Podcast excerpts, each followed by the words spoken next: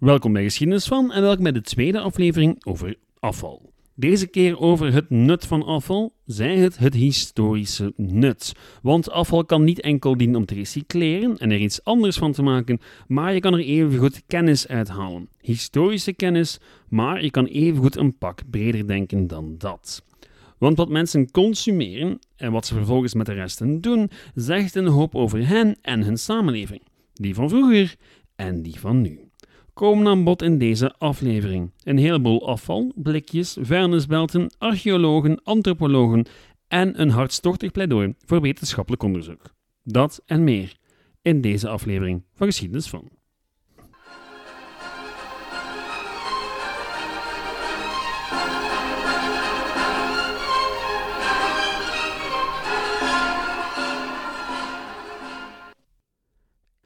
Vandaag hebben we het dus over historisch afval en de methodes die gebruikt worden om het te onderzoeken. Wat moet u verstaan onder historisch afval? Wel, alles waarvan onze voorouders overtuigd waren dat ze het niet meer nodig hadden, vervolgens weggooiden en op basis waarvan historici vervolgens het leven van diezelfde voorouders hebben proberen te reconstrueren. Afval heeft zo'n waarde als historische bron omdat het nu eenmaal van alle tijden is. Mensen gooien dingen weg die ze niet meer nodig hebben. Of het nu gaat om een kapotte riem, potscherven of etensresten. En vaak gooien ze die weg op een bepaalde plek. Op een vuilnisbelt of een eigentijdse versie ervan. Vooraleer mensen zich lange tijd op dezelfde plek konden vestigen, was zo'n vuilnisbelt maar zelden heel groot. Het was gewoon een hoopje dat al snel weggeveegd kon worden door wat water. Maar van zodra de eerste steden ontstonden, moest dat afval wel degelijk ergens naartoe en werd dit vaak generaties lang op dezelfde plek gedeponeerd. En daarom is een historische vuilnisbelt een van de meest begeerde zaken voor de doorsnee archeoloog. Want net zoals afval een heleboel zegt over de mensen die het achtergelaten hebben, kan afval van hele generaties een heleboel zeggen over die mensen en hun leven. Een voorbeeldje. In 1916 stootte de Britse archeoloog Leonard Woolley op resten van Carchemish, een oude stad op de grens tussen Syrië en Turkije. De man klom naar het hoogste punt, stak zijn vinger op en stelde vast dat de wind uit het noorden kwam, keerde zich vervolgens richting het zuiden en stelde tot zijn genoegen vast dat daar, aan de rand van de ruïnes, enkele heuveltjes lagen. Hij liet vervolgens de grootste van die heuveltjes afgraven en kwam tot de aangename conclusie dat het hier inderdaad om een hoop afval ging. Nu, waarom was dat een boeiende ontdekking? Wel, een klassieke vuilnisbelt is min of meer chronologisch opgebouwd. Wat van onder ligt is bijna zeker het oudste en wat bovenaan ligt bijna zeker het jongste. En dat is zeer handig voor een archeoloog die probeert te bepalen hoe oud die stad nu precies is, die hij van onder het zand aan het halen is. Vind je ergens in de rommel een potscherf van een bepaalde stijl, waarvan we al weten hoe oud die stijl eigenlijk is, dan kunnen we alle rommel in die buurt van die potscherf al dateren. En zo werd Carchemish trouwens gedateerd op 3000 voor Christus. Nu, vandaag de dag is er natuurlijk koolstofanalyse en dat is een fantastische methode waar we gaan bepalen hoe oud iets is op basis van nog min of meer levend materieel. Nu, dat is geen wondermiddel. De ouderwetse analyse van een berg afval is nog steeds een van de meest betrouwbare methodes voor een archeoloog om een chronologie op te stellen van een bepaalde plek. Maar het nut van historisch afval overstijgt chronologie. Om te beginnen is afval een definitief bewijs van menselijke aanwezigheid. Een teken dat men er was.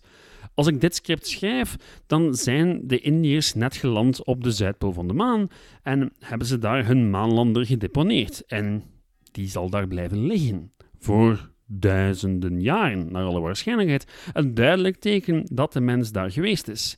Want ja, dit is nu eenmaal de realiteit.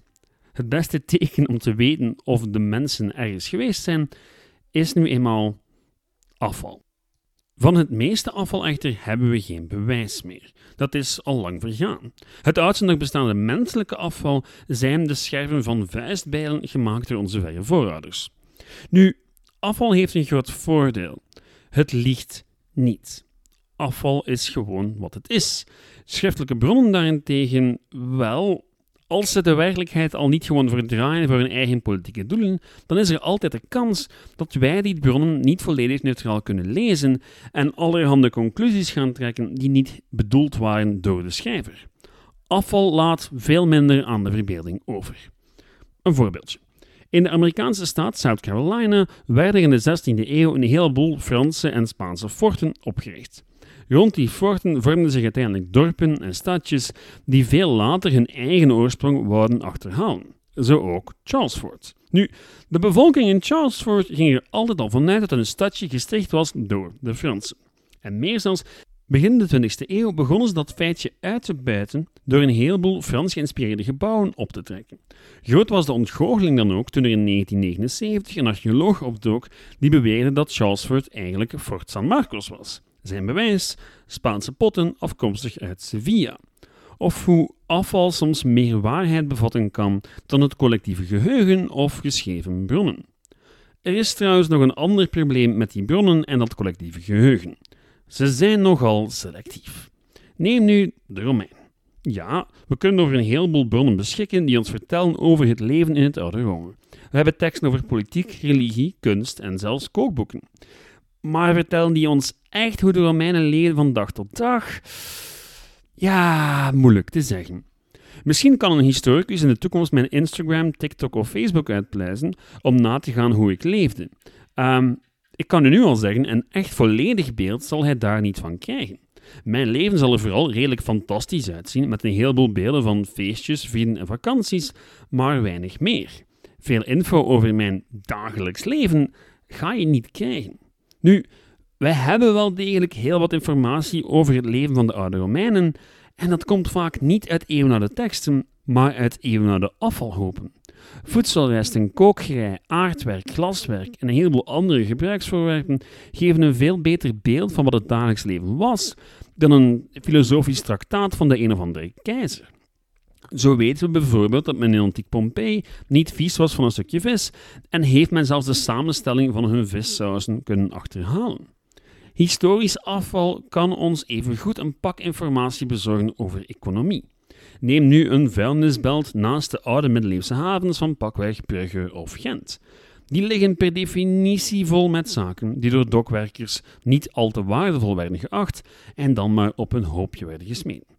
Als dat hoopje dan eeuwen later gevonden werd bij de aanleg van, ik zeg maar iets, een parking, dan laat een analyse van dat afval toe om te kijken waar die zaken nu precies vandaan kwamen. Hout uit Finland, leer uit Noorwegen. Heel wat van de kennis die we hebben over middeleeuwse en antieke handelsroutes is even vaak afkomstig van weggeworpen handelsartikelen als van de boekhouding. Want die boekhouding doorstaat het dan destijds ironisch genoeg een pak moeilijker dan pakweg een verzameling potscherven die na een drinkgelag in de lokale herberg op de afvalhoop belanden. Wist de herbergier van dienst veel dat die potscherven eeuwen later een belangrijk bewijs zouden vormen van de handelsbetrekkingen tussen bijvoorbeeld Brugge en de Champagnestreek.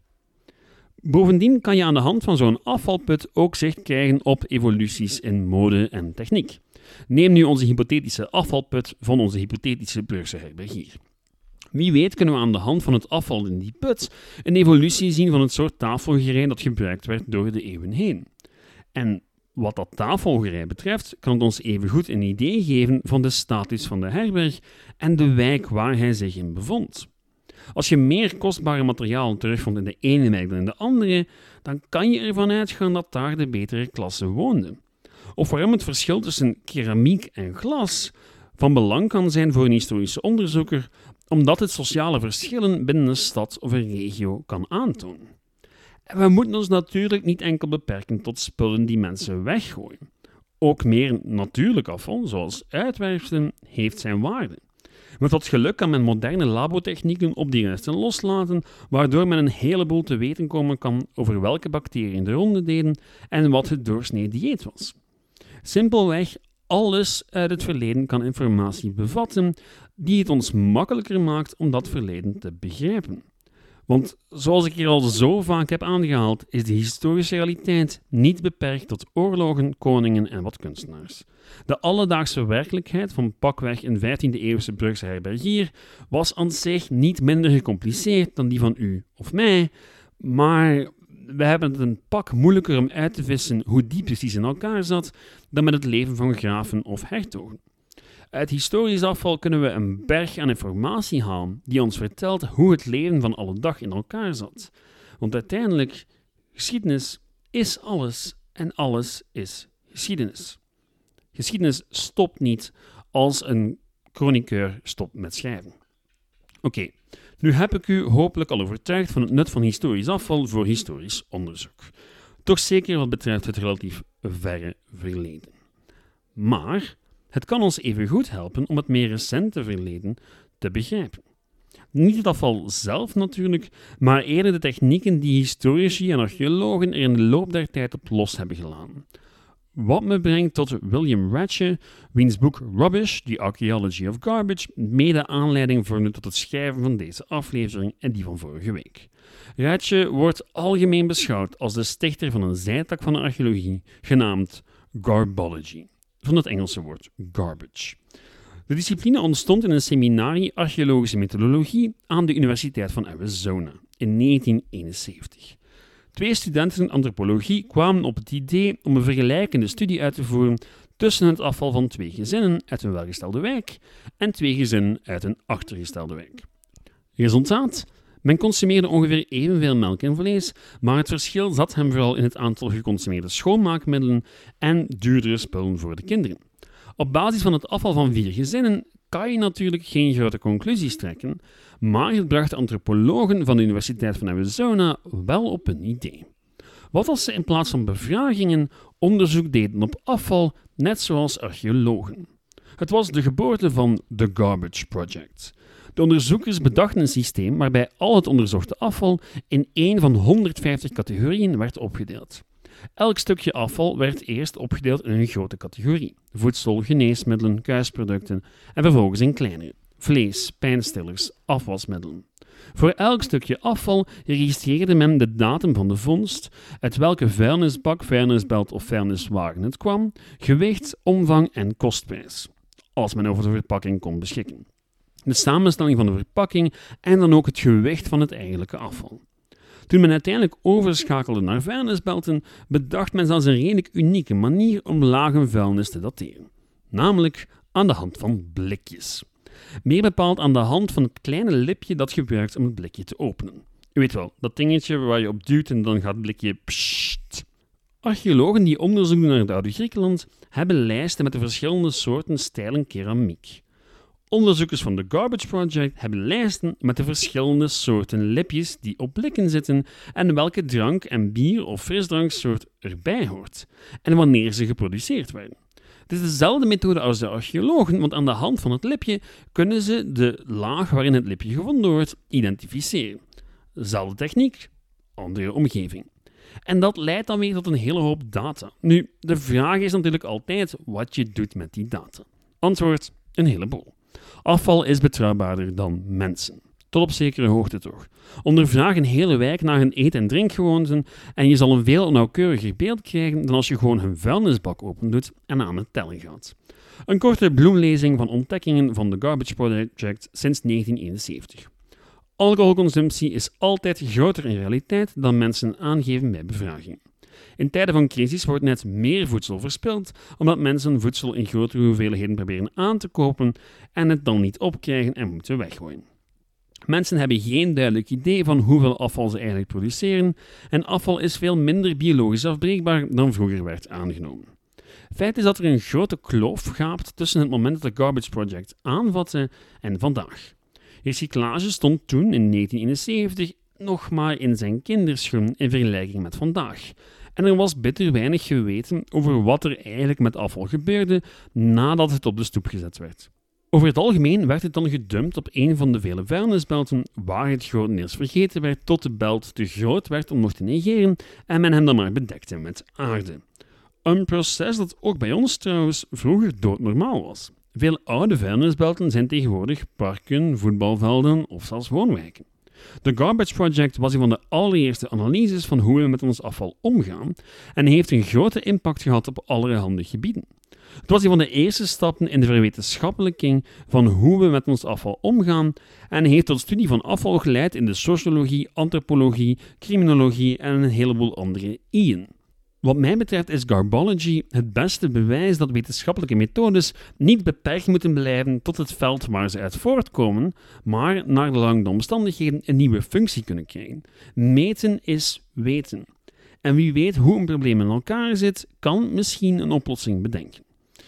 Goed, u hebt het waarschijnlijk al door. Ik ben een ongelooflijke fan van dit project en haar resultaten. Was deze hele aflevering niet meer dan een excuus om het over de Garbage Project te kunnen hebben? Misschien wel. Um, ik kan het boek van harte aanraden, ik heb er echt van genoten. Wie geïnteresseerd is, kan een heleboel informatie vinden over de Garbage Project online. Er zijn er ondertussen een heleboel verspreid over de hele wereld. Hier gaan we het vandaag bij laten. In elk geval bedankt voor het luisteren. Volgende week iets helemaal anders, namelijk de bokkenrijders. Met verzoekjes en feedback kan u zoals altijd terecht op het e-mailadres geschiedenisvan.outlook.be, de Facebookgroep Geschiedenis van of de website geschiedenisvan.be. Bedankt voor het luisteren en tot volgende week. Ciao!